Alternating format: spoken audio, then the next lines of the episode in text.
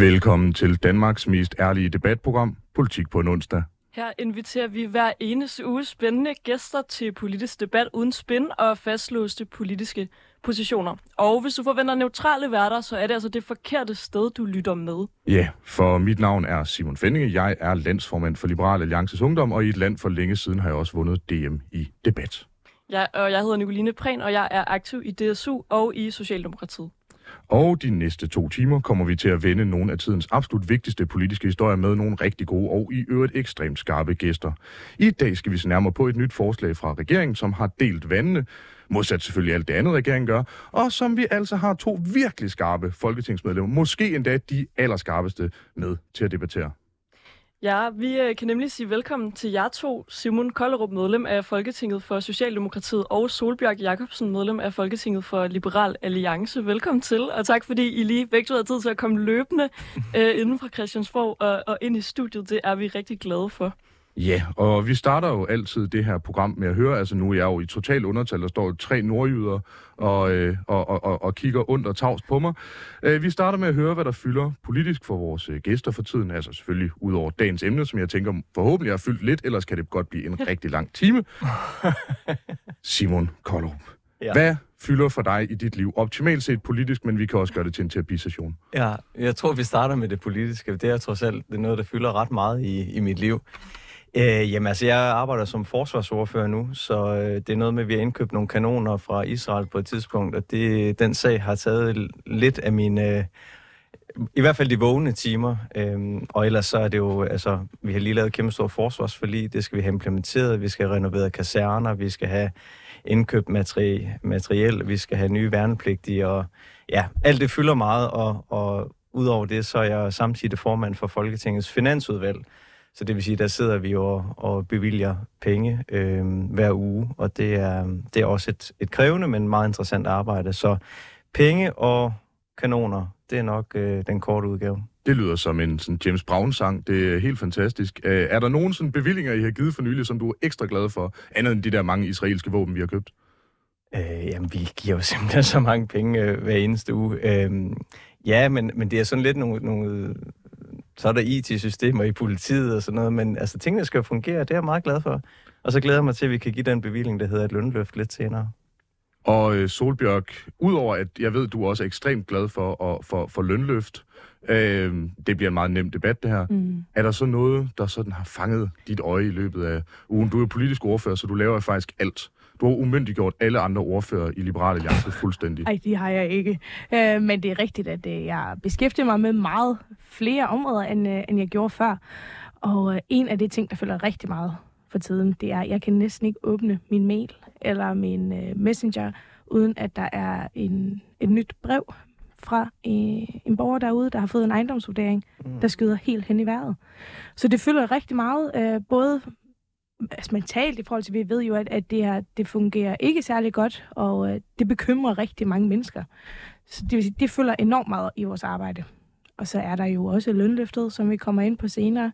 Koranafbrændinger, øh, legalisering af cannabis, som jeg kan se, jeg skal have på senere i programmet i dag. Så det er lidt af hvert. Og i forhold til de her ejendomsvurderinger, altså en ting er, at jeg har endnu ikke mødt nogen, som har været super godt tilfredse. Det, det er så en ting. Men har I fået brainstormet lidt på, hvad I kan gøre i stedet for andet end at selv holde, holde vest og holde øst ud? Altså det sjove er jo, at øh, jeg kan se, at Skatteministeriet nu har fundet en løsning. Og det er, at der skal laves en taskforce, som skal have styr på de skæve vurderinger. Men øh, før jeg kom i Folketinget, der sad jeg faktisk i en meget, meget beskældt stilling lige nu. Øhm, jeg var faktisk fuldmægtig i Vurderingsstyrelsen. Og øh, de er gået meget galt, siden jeg smuttede, men nej, nej det tror jeg ikke. det, det, dig, gør, nej, det tror jeg overhovedet ikke, at det er noget med det at gøre. Men det er vores det sjove, taskforce, der sidder lige her. Det er, det, er super det, det sjove er jo, at det system, det blev jo fuldstændig punkteret der for 10 år siden, hvor at det var helt galt, og man så, at øh, det, det hang overhovedet ikke sammen, så man blev nødt til at lave et nyt system. Så det nye system, det har man så brugt 10 år på at udvikle, og nu viser det sig, at øh, det måske er lige så galt som det, vi kom fra. Så at Taskforce skal være svaret lige nu, så tænker jeg, hvorfor gjorde vi ikke bare det for 10 år siden? Så det er, det er meget relevant. Vi, skal, vi bliver nødt til at følge det meget tæt, fordi det her, det gør mange, mange mennesker meget utrygge i, men, men helt kort, hvad, hvad skal der så til i stedet for? Fordi det kan jo være nemt at kritisere en masse, men hvad er dit bud så på løsningen? Jamen, som det står lige nu, så er vi jo med i forliget, så vi bliver nødt til at tage ansvar for, det, for den lovgivning, der er lige nu, og det system, der er lige nu. Og så længe vi er med i det forlig, så bliver vi jo nødt til at forsøge at, at rette op og uh, få skabt noget betryggende øh, løsninger til boligejerne. Så at stå med alternative modeller osv., det synes jeg ikke vil være klædeligt, når man stadig er med i forlig. Men jeg så, at Liberal Alliance har foreslået, øh, hvis jeg husker rigtigt, at, øh, at staten skal øh, tilbyde at købe for 15, eller jeg kan ikke huske, om det er 15 eller 20 procent under øh, den vurdering, som øh, skat så, så kommer med. Skal de så købe det til den værdi under altså 15 eller 20 procent billigere. Det er i hvert fald en kampagne, I har kørt. Jeg ja. ved ikke, om det er noget, der er blevet afsluttet. Nej, men det er, det er så et forslag, vi er kommet med, som, som så skulle vel være ensom inde i forledet. Det er ikke et ny ejendomsvurderingssystem eller noget som helst. Det, som det handler om, det er, at når man laver en vurdering i Vurderingsstyrelsen, så vælger man at sige, at du vurderer ejendommen, og så for at sikre, at, øh, at den ikke er for høj, så får du 20% rabat af.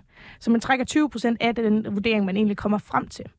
Og, øh, selv når man gør det, så har vi set nogle vurderinger, der ser væsentligt højere ud, end hvad den reelle værdi er. Så man siger, hvis Vurderingsstyrelsen kan være enig med sig selv om, at den reelle værdi er 100.000, og det er det, det måske er værd, jamen så må der være luksus for dem at kunne købe den til 80.000, og så sælge den igen til 100. Øhm, og hvis ikke man vil gøre det, altså det er jo ligesom for at sætte det på your money where your mouth is. Øhm, og det synes jeg er en måde at sige, at hvis I ikke engang stoler på, at man vil kunne købe det så, så til 20 procent under. Men, men, men, men hvis penge er det, de skal købe de her ejendomme for? Jamen det, lige nu så er det jo et øh, klart forslag, der skal vise, at vil det være muligt, og så skal man drøfte, vil det være muligt, fordi det vil så kræve, at man har noget mere akkurat. Men jo, staten køber der mange ejendomme i tid og utid, så det vil ikke være Hvis noget nyt. Hvis du skal købe flere? Hvad? Optimalt set og overordnet set, så nej, men hvis det skal være, at borgerne skal sidde så utrygge i deres ejendomsvurderinger, så synes jeg heller, at det er staten, der skal tage den risiko, end at vi skal blive borgerne om at gøre det. Okay, det er et vildt bud alligevel fra Liberal Alliance, ja. der kommer med her. Måske kan vi lige nå, inden vi går videre til dagens debat, og måske også inden, at det bliver alt for teknisk lige for dig, Simon Kollerup, øh, på banen. Synes du, at Solbjørgs øh, forslag i forhold til ejendomsvurderinger her øh, lyder som en god idé? Nej, jeg synes, det lyder lidt ondt. Jeg er lidt overrasket over, at det kommer fra Liberal Alliance i virkeligheden. Så skal vi have sådan statsboliger rundt om i landet. Staten skal eje privat ejendom. Det kan være, man kan sidde til leje ved staten, eller i hvert fald så hørte jeg forslaget som, at staten skulle købe det billigt og sælge det dyrere til borgerne igen. Og det, det jeg tror, måske er det sådan et provokationsforslag for at sætte debatten lidt på spidsen, men jeg tror godt, vi alle sammen kan se, at ejendomsvurderingerne øh, skal lande godt på benene, og det er vel også, nu har vi lavet lidt smilede lidt over, at det var en taskforce, fordi det bruger man tit i politik, men det er vel, det er vel så det, den skal hjælpe med, at de her ejendomsvurderinger, de, de lander på ben og, og i et fornuftigt leje igen. Det tror jeg altså er en mere... Det er en kedeligere vej frem, men jeg tror, det er en mere rigtig vej frem. Og der er jo også, altså det er, jeg så uh, Thomas Græs, nuværende økonom i øh, uh, SMV Danmark, tidligere økonom i Nyborgerlig faktisk, som kom med et helt genialt forslag fra et økonomisk perspektiv, som var, at, jeg ved ikke, hvor bekendte folk er med Øresundstollen, men at man skulle skrive ind, hvad mener jeg, min bolig er værd, og så skulle staten så kunne købe den af dem, simpelthen fordi det giver et incitament til ikke at byde sin egen bolig for lavt, men selvfølgelig heller ikke at byde den for højt, for så betaler du rigtig meget i skat. Øh, og det, øh, Liberale Alliance foreslår, er så en, en form for afart af dem. Øh, som en, der er forlået med en kant polit, vil jeg nok sige, det er ikke, det er ikke helt sådan, jeg havde gjort det, men øh, jeg bakker 100% op om Das Partei. Og med de ord og bakke op om Das Partei, så skal Solberg og jeg finde hinanden igen i vores smukke, skønne enighed på marken, og så lad os gå videre til det, det vi rent faktisk skal diskutere.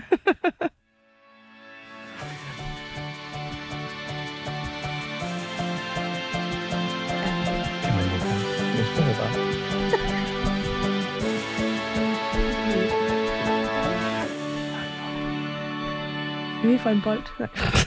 ja, du lytter til Politik på en onsdag med Simon Fendinge og Nicoline Prehn, hvor vi i dag har besøg af Simon Kollerup, som er medlem af Folketinget for Socialdemokratiet, og Solbjørg Jacobsen, som er medlem af Folketinget for Liberal Alliance. Ja, der er blevet talt om det i flere måneder. Ja, i mange år faktisk. Manglen på arbejdskraft til at opretholde vores velfærdssystem. De sidste mange år har overskrifterne, når de nye uddannelsestal er blevet udgivet, været enslydende. Studerende vender ryggen til velfærdsfagene, og antallet af ansøgere til velfærdsuddannelserne er faldet.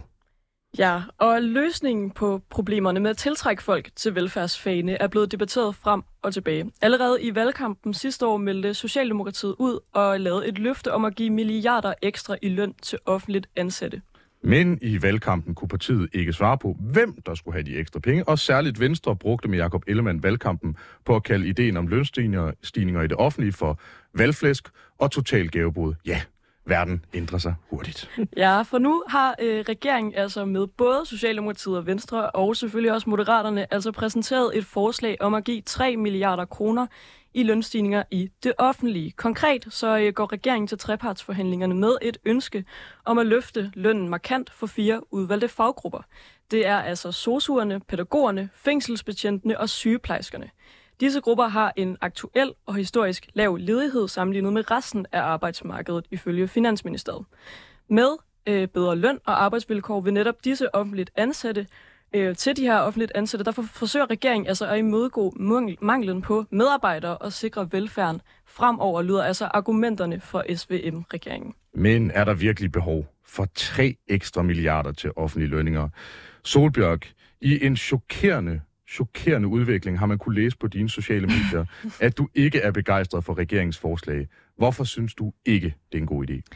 Jamen, jeg synes ikke, at det er en god idé, at vi som politikere skal til at udpege særlige grupper til at mere i løn. Vi har haft en, øh, en god model kørende i lang tid i Danmark, hvor det ikke er politikerne, der bestemmer, hvem der skal have mere i løn. Når det så er sagt, så er det fuldstændig rigtigt, at vi har rekrutteringsvanskeligheder, og mere i nogle fag end andre. Det er ikke kun de her fire grupper, der har øh, vanskeligheder ved at rekruttere og fastholde folk, men det er en del af dem. Jeg synes, at øh, regeringen i stedet skulle have brugt den model, vi har brugt i lang tid, hvor det er arbejdsmarkedets parter, der sætter sig sammen og finder ud af, hvordan at øh, lønudviklingen skal ske. Og Simon Koldrup, kan du ikke lige sådan forklare, hvad er tanken bag den her idé? Andet end selvfølgelig mere i løn? Jamen tanken er jo, jeg, jeg tror, hvis du, hvis du går ud af døren og, og besøger det danske øh, velfærdssamfund, vores velfærdsinstitutioner, børnehaverne, sygehusene, øhm, så tror jeg ikke, der er nogen, der er mødt af et indtryk, at, at der går nok alt for mange pædagoger, eller her løber for mange sygeplejersker rundt. Sat på spidsen, så handler det her jo om, tror vi på, at vi med et lønløft til de her øh, udvalgte grupper gør det nemmere at rekruttere flere sygeplejersker, flere pædagoger i fremtiden, så vi har et, øh, et øh, bedre og stærkere velfærdssamfund.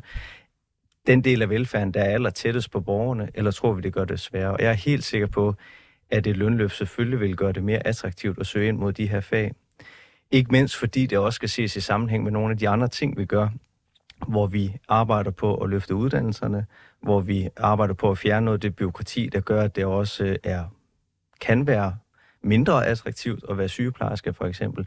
Så det her som en delkomponent sammen med andre skal jo være med til at gøre det mere attraktivt at søge hen mod nogle af de kernevelfærdsfag, hvor vi oplever en stor øh, mangel i dag på medarbejdere.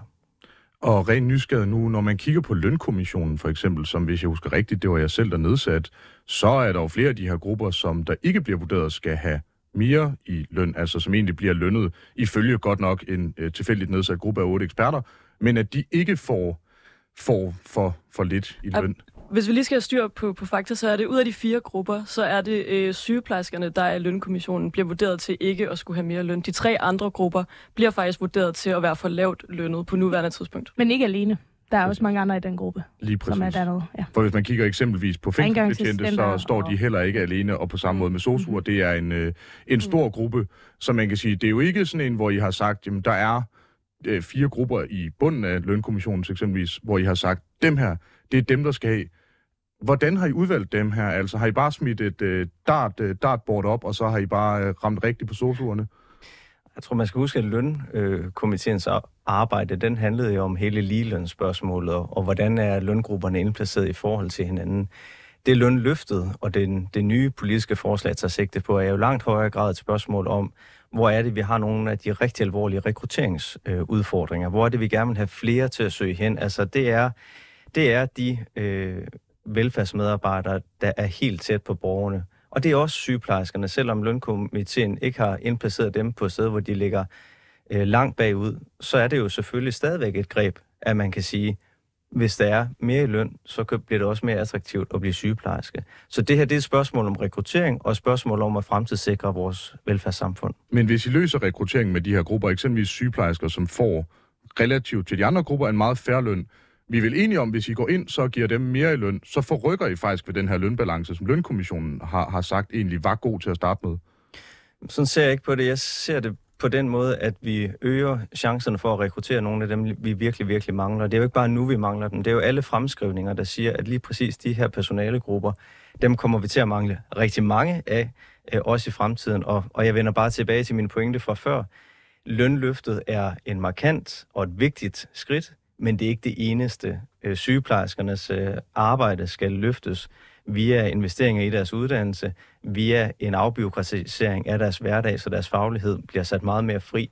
Der er mange veje til det samme mål, men, men det handler grundlæggende om at fremtidssikre det danske velfærdssamfund, og vi har de kompetencer, der skal til. Altså ifølge lønkommissionen, så socioassistenter tjener sådan set for meget relativt til de her andre faggrupper. Øh, det, det er simpelthen for at finde ud af, øh, hvad I baserer det på, for jeg forestiller mig vel, der må være andre end de her fire grupper, der nødvendigvis har rekrutteringsudfordringer? Eller er det simpelthen, øh, og det er jo helt fair, at I har sagt, jamen, det er fair nok, hvis der kommer færre øh, serviceassistenter, eller for den sags skyld bioanalytikere. Det er måske ikke lige urgent lige nu, men det er ret vigtigt, at vi får flere sygeplejersker lige nu. Er det det, der har været rationalet? Det er simpelthen også dem, som er dem, der holder det danske velfærdssystem oppe. Rationalet er et spørgsmål om rekruttering, og rationalet er, når du spoler den film, der hedder Danmarks udvikling øh, frem til 2035, så kommer vi til at mangle, jeg tror det er 15.000 sociale sundhedshjælpere øh, i det danske velfærdssamfund og 5.000 pædagoger.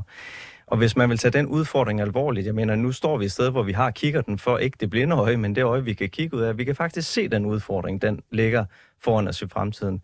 Så må man jo nødvendigvis som ansvarlig politiker, i hvert fald hvis man er ansvarlig velfærdspolitiker, og det er øh, jeg, og det er vi i Socialdemokratiet og nu også i regeringen, spørge sig selv, hvad er det for nogle værktøjer, vi kan bruge for at rekruttere de mennesker, vi, vi mangler. Løn er lige nu en stor debat, den er markant, men den står ikke alene. Ja, og så inden øh, jeg, vi lige giver ordet til dig, Solberg, så kunne jeg godt tænke mig at høre dig, Simon.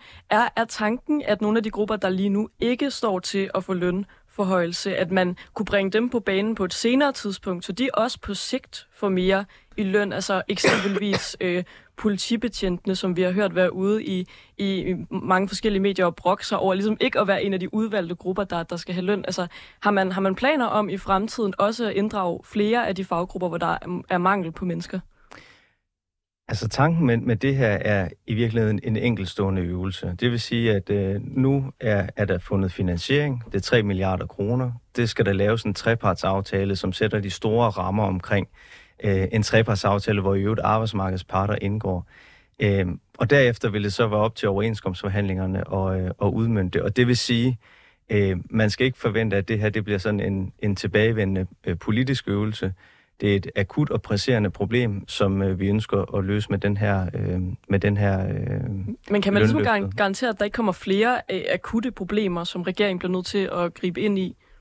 Nej, det kan man selvfølgelig aldrig. Øh, øh, der kommer akutte problemer hele tiden, men, men vi har sagt meget klart, da vi fremlagde det her lønløft, at, øh, at vi ser det ikke som en tilbagevendende begivenhed. Det er en særlig øh, ting, som vi ønsker at løfte med, med, med, med de her tre konkrete milliarder. Men hvis vi bare tager udgangspunkt i løn... Og det ændrer så ikke, hvis jeg bare, ja. det ændrer så ikke ved, at uh, politiforbund og andre har jo stadigvæk, mm. altså de jo almindelige overenskomster og, og løft af lønnen der, er jo stadigvæk i spil, så det er jo ikke sådan, at man afholder fra, at andre kan få mere løn. Men hvis vi bare tager udgangspunkt eksempelvis i lønkommissionen, jamen du kan så sige, så giver du pædagoger mere i løn, så giver du sociohjælpere, som ligger på en, øh, ifølge lønkommissionen, færre løn, øh, du giver sygeplejersker mere i løn, Jamen eksempelvis dagplejere, som ligger altså helt i, i bunden af hierarkiet, som nogle af dem, som får den mest urimelige løn, jamen er det så ikke deres tur næste gang? Så nu ved jeg godt, det har været Arnes tur, men det må også på et eller andet tidspunkt være dagplejernes. Det er ikke sådan, vi øh, lægger op til det her. Altså det her, det er øh, en, øh, en øh, indgangsøvelse øh, set fra vores side. Øh, det er sådan, vi har lagt det op, og det er jo så mening, at det her lønløft skal være, øh, skal være ekstraordinært og skal løse nogle af de rekrutteringsproblemer, vi har. Jeg kan godt se, at du bruger meget tid på lønkomiteen, men i virkeligheden så, den, den er jo et, et sidearbejde ved siden af den analyse, der ligger til grund primært for øh, lønløftet. Og det er hele rekrutteringsanalysen. Analysen af, hvilke faggrupper kommer vi til at rigtig meget mangle i et velfærdssamfund. Så meget mangle, at det truer sådan hele grundlaget for vores velfærdssamfund. Ja, jeg kunne godt tænke mig at høre dig, Solbjørg, fordi jeg tror, jeg er jo øh, måske ikke så overraskende enormt enig med, med dig, Simon. Så jeg kunne godt tænke mig at forstå din modstand, Solbjørg. Er du imod, at man hæver lønnen overhovedet? Altså man bruger penge, man sætter penge af til at hæve lønnen øh, blandt de offentligt ansatte, eller er det det her med at udvælge fire altså, grupper kan... og gøre det i? Jeg synes, det er besynderligt, at hele diskussionen, når man, når man bliver forholdt til den her meget mærkelige måde at føre politik på i forhold til, hvad vi plejer i Danmark, mm. så bliver man mødt med, at det er fordi, der mangler sygeplejersker, der mangler pædagoger. De, altså hele problematikken er der ikke politisk uenighed om. Det ved vi godt. Mm. Og det er rigtigt, det ikke er kun er løn, det er også arbejdsvilkår. Og der er der også mange ting, hvor man samarbejder om på tværs. Og øh, at, at løfte det. Vi så gerne, at øh, vores øh, 2035-plan blev gennemført, og det vil så give alle i de fire faggrupper minimum 1750 kroner om måneden efter skat, i stedet for et lønløft på 2.500 i 2030 før skat. Og det er jo vores tilgang til det, og selvfølgelig så, så kommer regeringen ikke til at indføre liberal alliancepolitik, det havde vi da heller ikke nogen forventning om, men det, derfor er det klart, at man kan have politiske uenigheder om, hvad der skal ske. Her er der bare tale om, at regeringen går ud og håndplukker fire faggrupper imod den danske model, og det er altså, den Danmarks ledende arbejdsmarkedsforsker siger, at det er et klokkeklart brud på den danske model. Det er endda et voldsomt brud. Men vi, vi kommer til senere i, i programmet jo, at vende tilbage til det her med den danske at, at, model. Det kommer til at, at fylde en, ja. en hel runde. Så hvis vi, hvis vi holder os til sådan det principielle i at, at sætte penge af til de offentligt ansatte, ja. altså det er du imod? Ikke imod, at øh, det skal have flere penge mellem hænderne. Vi vil også gerne sætte penge af, som vil give samtlige af de fire faggrupper flere penge mellem hænderne. At vi ikke har behov for at give det som gave, men gerne ser det bare, at det beholder flere af deres egen penge. Det er vores tilgang til... Liberal Alliance vil sådan set gerne give endnu flere penge til sygeplejerskerne end SVM-forslaget. Hører det rigtigt? Altså, det er jo ikke bare til sygeplejerskerne. Vores 2035-plan giver det syv, til, første 7.000 skattefri til men vores 2035-plan, hvis jeg husker rigtigt, og nu siger jeg vores, som om, ja. at, øh, at det er det, jeg repræsenterer, siger også nulvækst i det offentlige. Hvordan hænger det sammen med, at vi, at, at vi lige pludselig skal til at duellere på udbetalte penge til sygeplejersker? Jamen altså, det vil jo resultere i de sygeplejersker, vi har. Det vil jo få væsentligt mere mellem hænderne. Og det vi kan se, det er, at vi har fået rigtig, rigtig, rigtig mange administrativt ansatte. Jeg synes, det er besynderligt, man altid siger, at bare fordi vi vil skære på en af verdens største offentlige sektor, så er det fordi, det er sygeplejersker, vi har lyst til at fyre. Jeg, har ikke nogen... jeg, jeg går ikke sådan en pape på dig. Nej, men, men, men det er jo ikke dem, vi tænker, at der er mindre behov for. Hvis vi kigger på pædagogfaget og på lærerfaget også, så kan vi jo uh, se, at der er en sammenhæng imellem siden uh, kommunalreformen, så har vi fået lidt færre lærere. Til gengæld har vi også lidt færre børn end dengang, og vi har fået lidt flere sociale og sundhedsassistenter. Vi har også fået flere ældre. Men vi har samtidig også fået altså 10.000 vis efter 10.000 vis af akademikere og ledere og specialkonsulenter osv. Og de er jo ikke pædagoger eller sygeplejersker. Så det er rigtigt, det er der, vi har tænkt os at skære. Det kræver så også, at vi fra Folketinget griber i egen barm og forenkler noget, så der ikke er behov for så mange af dem. Men en stor men, del af dem... Men, det gør det er der ikke et fundamentalt rekrutteringsproblem i det med øh, altså omdanne akademikere til sygeplejersker, at det tager tid? Og det at, vil tage tid. Altså, er det ikke nemmere at give folk noget mere i løn, så de i stedet for at tage til Norge eller op på at lære samlet, at de rent faktisk tager en ekstra vagt på deres almindelige arbejdsplads, i stedet for at vi begynder at ja. sige, nej, Hanne fra kommunen, du skal ikke længere bruge din kantmærke, du skal være sygeplejerske. Det tager også rigtig lang ja. tid, og det er rigtig mange mennesker, der vil have rigtig svært ved at være sygeplejerske. Jeg har det svært med både blod og nåle, og på den måde vil jeg også ja. have store begrænsninger. Er der ikke en point i det? Men, men det vil ikke sige, at bare fordi vi ikke mener, at regeringens forslag er det allerbedste i hele verden, eller overhovedet er noget, vi burde gøre, så vil det ikke sige, at der findes en snuptagsløsning til de her problemstillinger vi ved jo, det bliver hårdt. Der, der skal skrues på mange knapper. Der er både tale om arbejdstid, der er tale om løn, der er tale om vilkår, der er tale om, hvad er det, folk søger efter? Så det er rigtigt. Vi kan ikke stå her og sige, at regeringsforslag er dumt, fordi vi har en løsning, der kan løse det hele morgen. Det er der ingen, der har.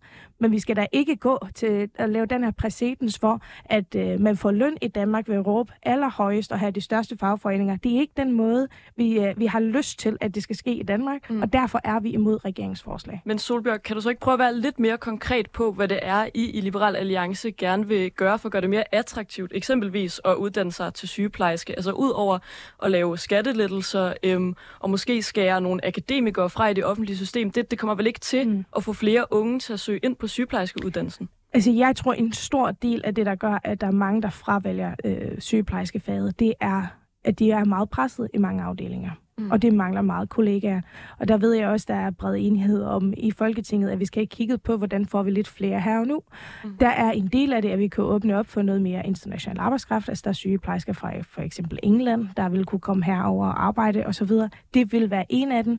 I vores uh, sundhedsudspil, som vi uh, leveret her til vores sommergruppemøde, der har vi også nogle, nogle markante bedringer til selve retssikkerheden i sundhedssystemet.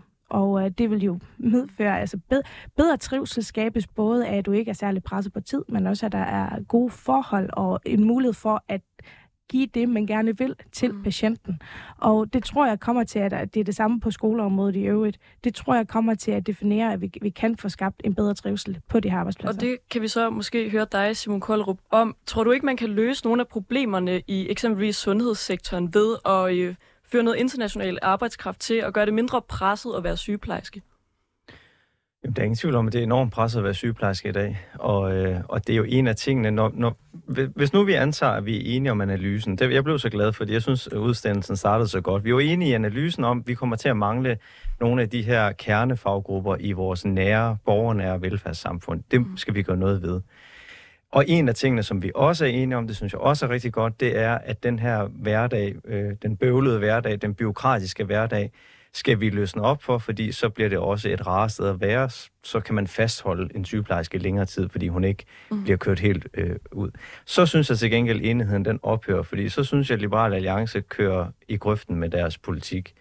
Øhm, hvis man vil lave et en skattelettelse, øh, som kommer til at koste øh, 42 milliarder kroner i, øh, i mindre øh, indtægter til velfærdssamfundet, så skal de penge jo findes et sted.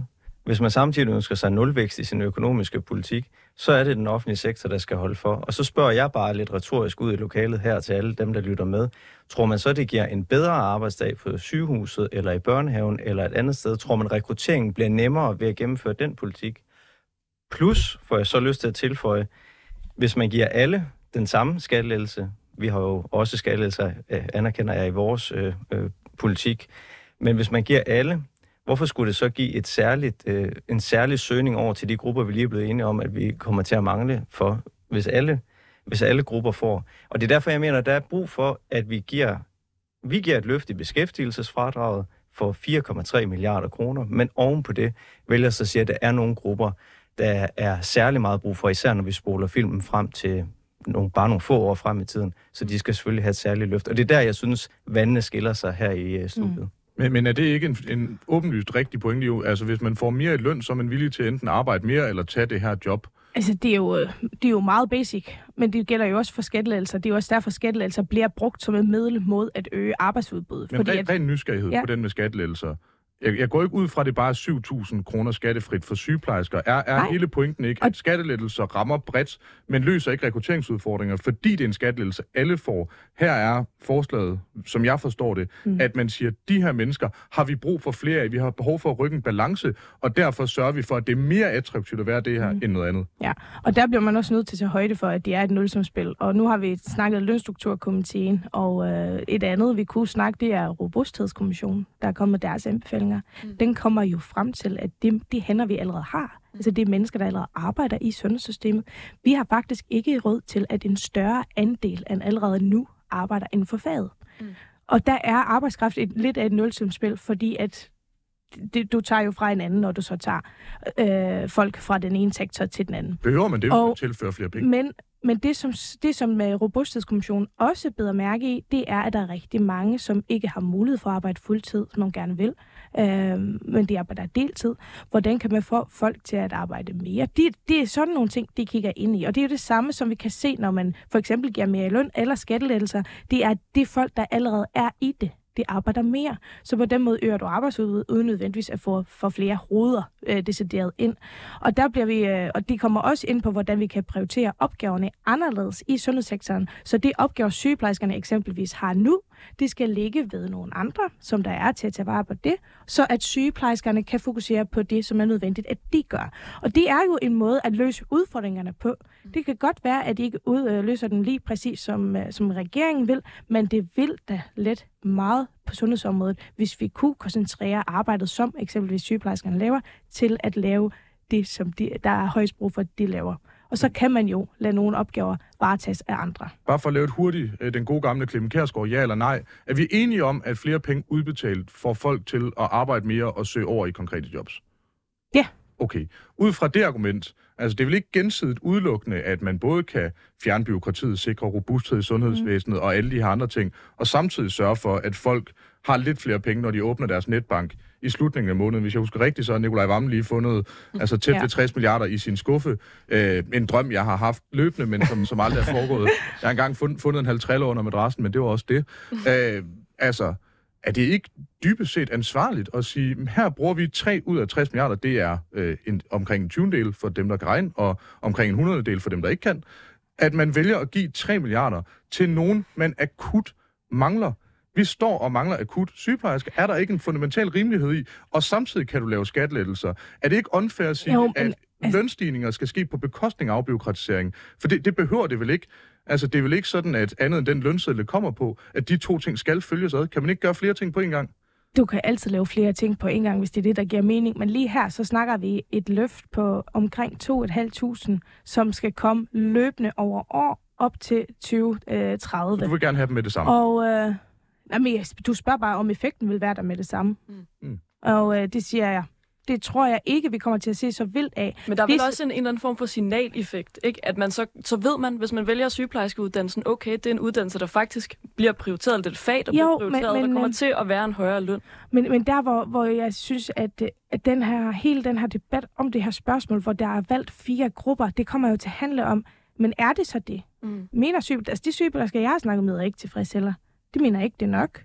Nogen mener det nok, nogen mener ikke. Mm. Altså hele den måde at give løn på, på den her måde som politiker, det ser vi også i andre lande. Så går man til valg, og det handler kun om, hvem der skal have mere i løn.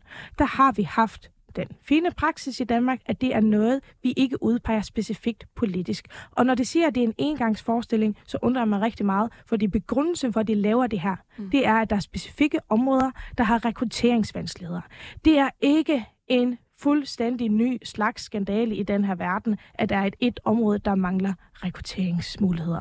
Det vil komme igen. Der vil være områder igen, der mangler arbejdskraft. Og hvorfor er det så, at den her løsning er det, man vælger som en engangsforestilling lige nu, men det er ikke det, man tænker at lave fremadrettet, når der er et andet område, der mangler rekruttering. Simon, du sagde tidligere, og jeg citerer dig nogenlunde præcist, vi kan ikke udelukke, at der kan opstå akutte behov i fremtiden. Er der noget, det kan jeg garantere dig ikke. At det kommer der selvfølgelig men, til at ske. altså, når vi for eksempel ser, at jævnfører lønkommissionen, at for eksempel dagplejere, at der ikke bare mangler dagplejere, de også får relativt for lidt i løn, Altså, kan du udelukke, at den her, øh, altså den her nålestiksoperation ikke bare fortsætter med at, skal vi sige, gå over i noget, der minder om akupunktur, hvor vi altså stikker rigtig mange nåle ind i den danske velfærdsstat? Ja, nu tror jeg ikke lige, at jeg ser billedet helt på samme måde. Det, og, og, og dig, der ikke kunne lide nåle, det var voldsomt, jeg voldsomt billede at lægge på. Vi er relativt afhængige af at, Nå, altså, i hvert fald okay. kunne leve med Jamen, du sagde bare blod og nåle, det var ikke lige dig. Øhm, vi har sagt ret tydeligt, at det her, det er selvfølgelig en særlig opgave. Det er fordi, vi synes, det er en særlig problemstilling, vi skal løse, og vi ser egentlig ikke for os, at det her det er en tilbagevendende øh, ting. Så i den forstand anerkender vi, at det her er noget særligt. Men jeg synes, det, der rammer mig lidt, det er, at vi, vi står her med en diskussion, og, og, øh, og når jeg hører Liberal Alliance føre den danske model foran sig som argumentation, så bliver jeg sådan i min, min, min, min mave helt dernede bekymret for, om det egentlig bare er sådan en et, et til lejligheden opfundet argument, fordi jeg synes ikke, jeg plejer at kende Liberal Alliance som den store vogter af den danske model. Øhm, så er det i virkeligheden, altså, jeg er lidt spændt på, øhm, og vi kunne også have taget den uden for studiet, men jeg er faktisk lidt spændt på, om, om Liberal Nej, men altså snakke om... Bare, er, er, er, er, det, det dig, der siger, lad os tage den, skal vi tage den udenfor? nej, nej, det var ikke, det, det var ikke sådan, jeg mente det. Jeg mente bare... Glor du på min dame? Nej, man, man, kunne, man kunne, hvad hedder det, have snakket om det mange steder, det her solbjørk, jeg har bare ikke fået gjort. Nej. Men jeg synes bare, at det her med, altså, er vi egentlig enige om problemet her? Altså deler Liberale Alliance overhovedet ønsket om, at det, det offentlige sundhedsvæsen skal ansætte flere mennesker, og at, øh, at der er, er en mangelvare, som skal løses.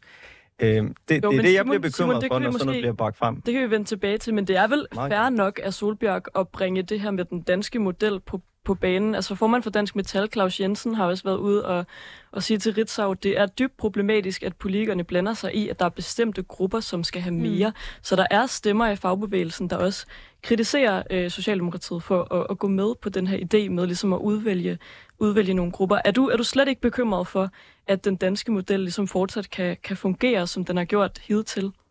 Nej, det er jeg ikke bekymret for.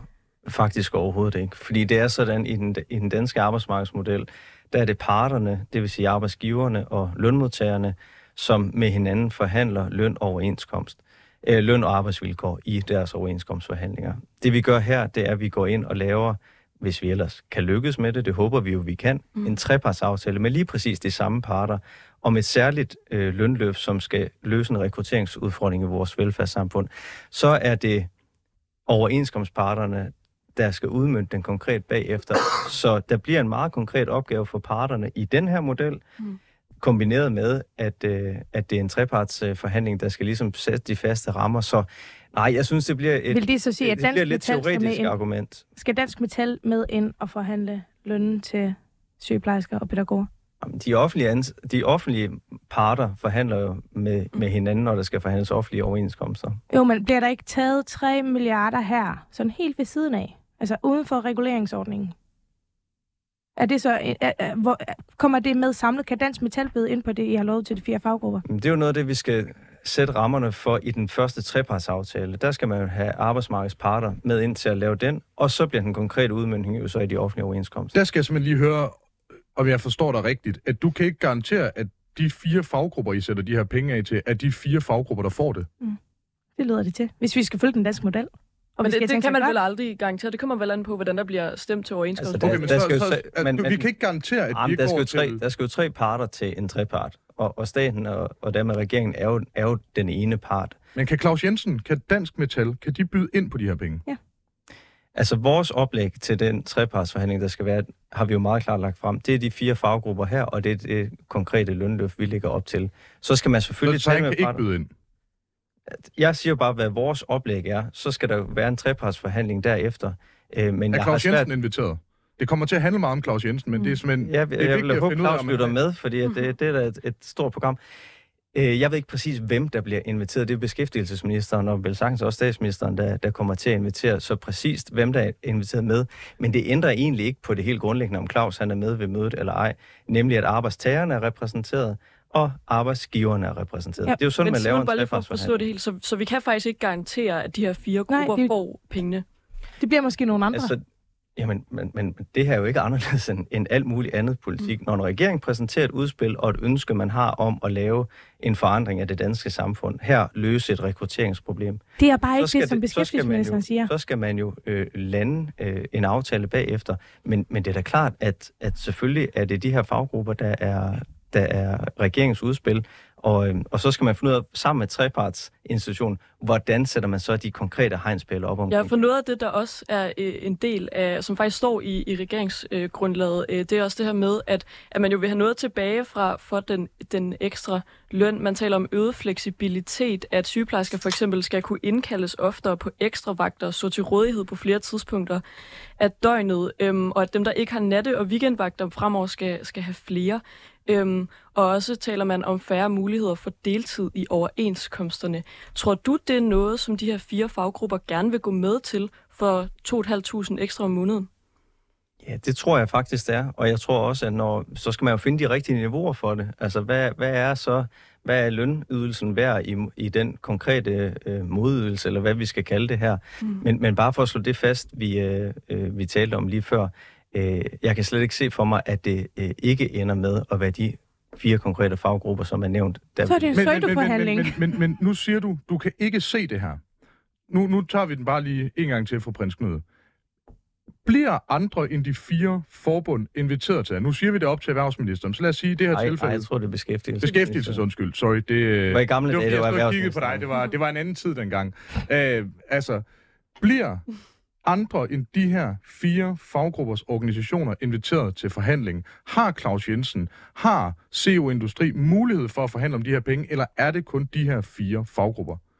Altså, vi, vi, t- tilgive mig, hvis, hvis det, det lyder forkert. Vi, vi er simpelthen nede i et uh, detaljeniveau omkring det her, som jeg ikke uh, Så vil jeg stille til. på et mere ordnet niveau. Men, men bare for at sige... Er det, kan du garantere, ja, altså det er sådan relativt ja eller nej, kan du garantere... Jeg kan næsten aldrig garantere noget. Okay, kan du inden for enhver form for nogenlunde rimelighed og sandsynlighedsværdi, per defineret i basal videnskabsteori, i nogen grad garantere, at de mennesker, som får, eller de grupper, som får del i de her penge, at de fire grupper, I lægger op til? Er det de fire grupper, der kommer til at dele rådet, eller er det alle grupper? Nej, vi lægger op til det de fire grupper. Og regner I så med, at det er de her fire grupper, der får det? Ja. Eller kommer der også til at være nogle industriteknikere eksempelvis, der tjener flere penge på det her? Nej, det... Så det er de her fire grupper? Ja. Er det et brud på den danske model, hvis I til gode ser de her fire grupper, ud over den pulje, som Solbjerg tidligere refererede til?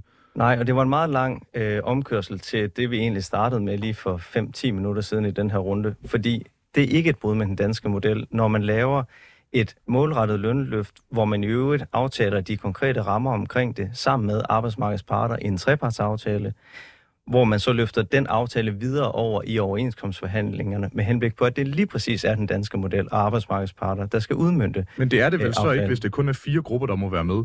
Jeg troede, hele definitionen i den danske model var, at alle folk blev inviteret til bordet. Så jeg forsøger at finde ud af, bliver alle inviteret til bordet, og på den måde så altså overholder man den danske model, men I risikerer et løftebrud, eller bliver der kun inviteret fire grupper, hvilket for mange vil være et brud på den danske model, men til gengæld holder jeres løfter. Jeg forsøger bare at finde ud af, hvad der er vigtigst. Det er lover eller den danske model? Men begge dele er vigtige, og begge dele kommer vi til at levere på. Det, bliver, det er jo sådan, at det, det, er, jo en, det er jo en kunstig opstilling at sige, at man, man deler noget op. Det har vi i forvejen. Vi forhandler overenskomst på det private arbejdsmarked, vi forhandler overenskomst på det offentlige arbejdsmarked. Øh, nu er der her konkret et ønske fra en samlet regering om at lave et øh, lønløft for fire offentlige øh, arbejdstagergrupper. Øh, og det skal vi så lave en treparts aftale med, med arbejdstagerne, som jo selvfølgelig må tale med sig selv internt i FH-familien og FTF og hvem de ellers øh, efterhånden er omkring hinanden, og aftale, hvad de mener og koordinere osv., ligesom man altid gør.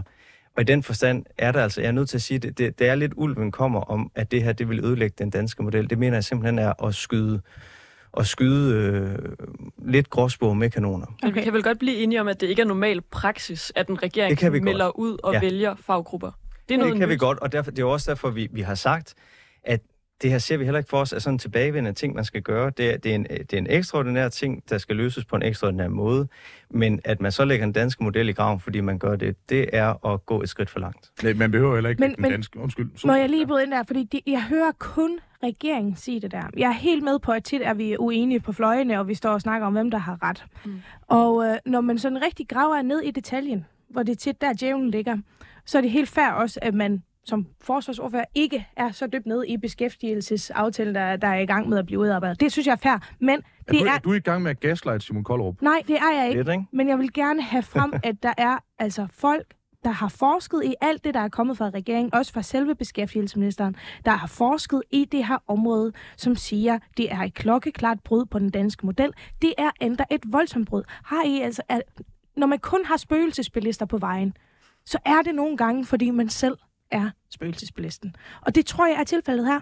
Altså eksperter og venstre- og højrefløjen uden for regeringen mener, at det er både på en dansk model. Den eneste, der ikke vurderer det, det er regeringen selv. Men viser det her ikke også hele altså, rationalet bag det at have en, øh, altså en midterregering, at Lars Lykkes vådeste drøm rent faktisk er gået i opfyldelse? Jo, det er det. Fordi hvis, de... altså, hvis Socialdemokratiet havde lavet den her med SF, Alternativ Radikale, Enhedslisten, Altså, så kender jeg jo vores parti ret godt efterhånden, efter mere end 10 år i det. Vi havde stået og råbt op om de røde lejesvende. Vi, havde, altså, vi var jo gået fuldstændig i selerne og snakket om mm. øh, det nærmest kommunistiske regime, der havde bulldozet os over. Viser det her ikke, at det giver en mulighed for med et flertal at løse nogle af de akutte rekrutteringsproblemer, der er uden at man nødvendigvis behøver at høre alle hele tiden, uden at enhedslisten behøver at sige, hvorfor tjener de ikke flere milliarder? Eller også sige, hvorfor skal de overhovedet have løn? Er det ikke fair nok, at der faktisk er nogen, som tager et ansvar, løser nogle rekrutteringsproblemer, som vi alle sammen kan blive enige om, at der er? Altså, jeg kan, for president. jeg kan i hvert fald se, at uh, ringer regeringen med en midterregering har kunne afskaffe en helligdag. Det har kunne lave øh, indskrænkninger i ytringsfriheden, hvordan jeg ikke har set det i min levetid. Det er vigtigt Det har at det her det er ikke kunne mig, der, den danske der, der, model, roser og alt, hvad den danske det har- regering gør. Så, så det kan lave meget, som jeg tror, man ikke var kommet afsted med før. Men i den her konkrete situation, fordi altså koranafbrænding og sådan noget, nu er det ikke, fordi jeg selv brænder sådan super mange koraner af, øh, men op til flere. Øh, hvis vi sådan tager den del væk, viser det her ikke på nogle af de store fagområder, at der faktisk er en fornuft i, i stedet for at skulle ud og forhandle store ting, at det faktisk handler om, at man siger, vi har et kæmpe problem, hvad med vi løser det hurtigt? Eksempelvis mangel på sygeplejersker. Nej, det synes jeg ikke. Jeg synes ikke, det er en god løsning. Jeg tror ikke, det kommer til at, øh, jeg tror, det kommer til at gøre mere skade end noget andet. Det bliver en ærgerlig præcedens, der bliver sat. Jeg tror, vi kommer til at se nogle Vil folketingsvalgkampe. I overhovedet hvor gerne folk- have flere sygeplejersker i den offentlige Ja. sektor? Selvfølgelig vil vi have nok sygeplejersker i den offentlige sektor. Der er også Men mange... flere- Så Solberg, der, siger du, at der skal, der skal faktisk ansættes flere i den danske sundhedssektor? Nej, vi- jeg siger et bestemt, at vi skal have kigget på, hvordan vi kan løse flere opgaver tilstrækkeligt i den danske sundhedssektor. Men jeg kan heller vente om. Vil I altid have flere? Vil I altid have flere? Altså, Men- er der nogensinde nok? Som vi står nu, status quo, ikke referent Ja. til bandet, men til hvor vi er i diskussionen. Skal der flere ansatte i den danske sundhedssektor, ja eller nej? Det kommer an på, hvor meget afgang der er, hvilken region vi snakker. Vi sidder ikke i Folketinget og ansætter sygeplejersker. Det skal vi heller ikke gøre. Og det er der heller ikke noget, Nu, sy- det, er ikke, ikke, fordi jeg er i gang med at smide dig ind som direktør for nogle supersygehuse og sådan noget. Det er en aftrædnings- aftrædelsesordning, jeg ved, mange andre øh, sikkert godt kan få. Det, jeg spørger dig om, det er, med det antal sygeplejersker, med de antal læger, med det hele, vi har lige nu, skal der ansættes flere i sundhedssektoren? Ja eller nej? Det handler ikke om afgang, det handler ikke om noget som helst. Vi har et antal nu. Skal det antal, hvis jeg spørger dig i samme program om et år, skal det være højere, end det er nu? Det har jeg ikke svaret på. Okay. Ja. Simon Koldrup, skal vi have flere mennesker i den danske sundhedssektor? Vi skal i hvert fald have flere sygeplejersker, øh, og, og, øh, fordi vi kan jo se, at vi kommer til at mangle dem.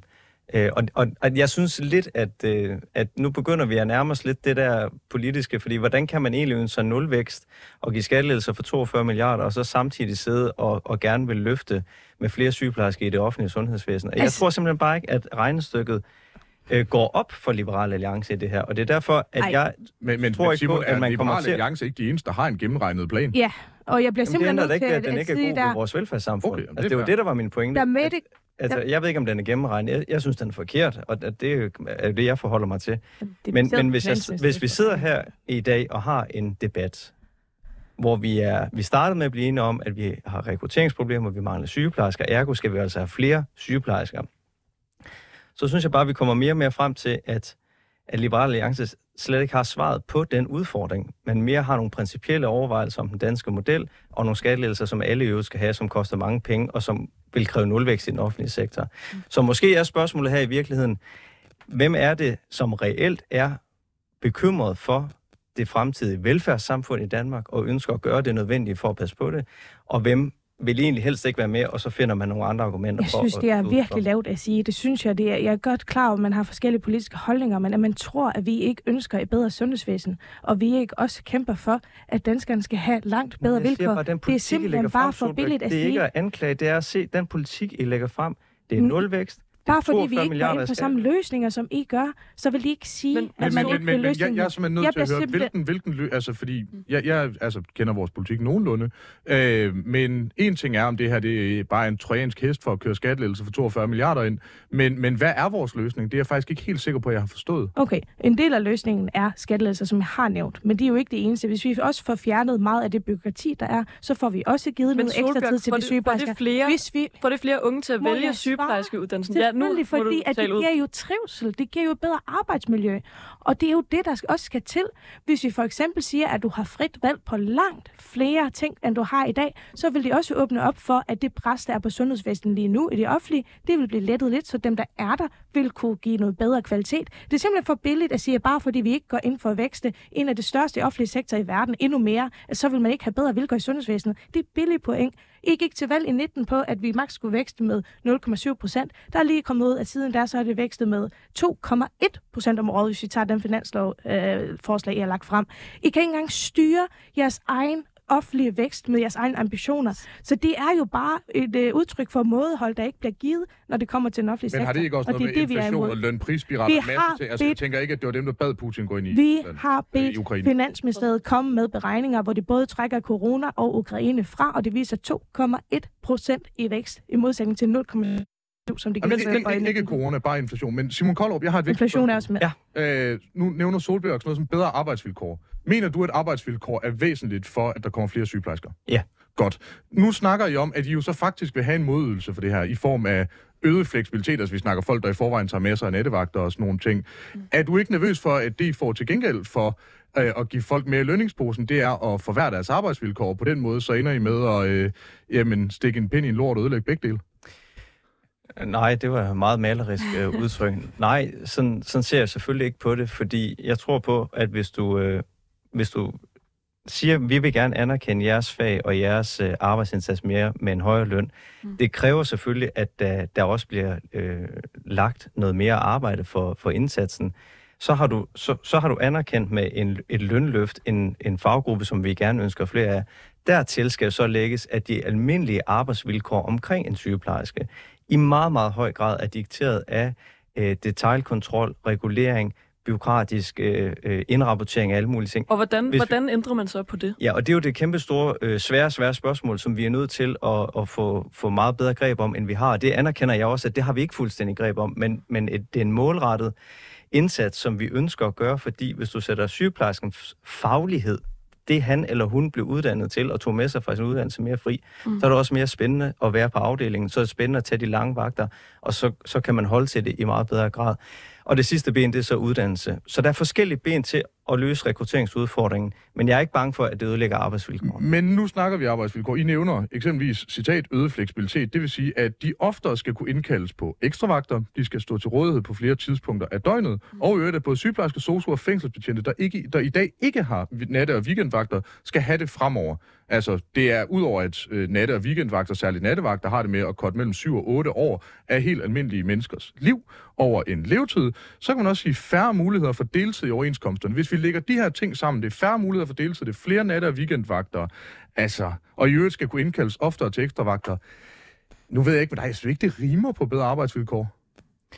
Ja, altså det, det rimer på, er vel, at man, man går ind i det her som sådan en klassisk øh, øh, noget for noget øh, tilgang. Så vi er klar til at give et målrettet lønløft til lige præcis jeres faggrupper, fordi vi, vi mangler jer, og vi har brug for, at I er meget mere øh, inde på, på afdelingen. Vi har brug for flere af jer søger ind.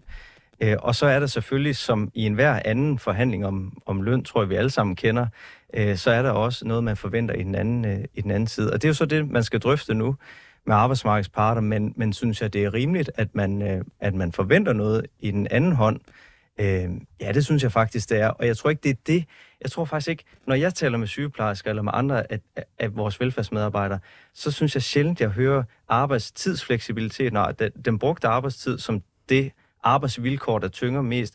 Det er det, at man ikke kan føle, at man leverer på en højt nok på sin skala over, hvad man gerne vil le- levere. Mm. Blandt andet på grund af byråkrati. Og nu skal jeg- vi lige nå Solbjørg. Ja, jeg lige synes, der sidst kommer- Helt kort. Jeg vil godt lige høre dig. Der, der er enighed om, at der skal gøres noget ved Der er arbejdsvilkårene. og så Hvad vil jeg med lige løn? have noget til, at... Øh, Siger du nej til, at der på noget tidspunkt skal være lønstigninger til sygeplejersker? Jamen, vi vil gerne gå ind til, hvis vi fik lov til at gå ind som, som part, at man lavede lidt flere muligheder for individuel løndannelse rundt omkring. Og der må gerne være rekrutteringsfokus også i øje. Det, det, er jo, det er jo fint nok, men det skal bare ske inden for den danske model. Og der blev jeg skudt i skoene, at vi var lige glade med den. Det er simpelthen forkert. Den danske model, den sikrer meget mindre statslig indblanding, end vi ellers ser i mange andre steder. Og den er ikke uden udfordringer, men det er helt rigtigt, at vi skal forsøge at, øh, at følge den i højst Og mulig omgang, Det fordi den sidste er bedre ord end i øh, dagens første time af politik på en onsdag blev altså Liberal Alliance, der slog et slag for den danske model. Det er jo meget dejligt at høre. Tusind tak til jer to, Simon Kollerup og Solbjørg Jacobsen.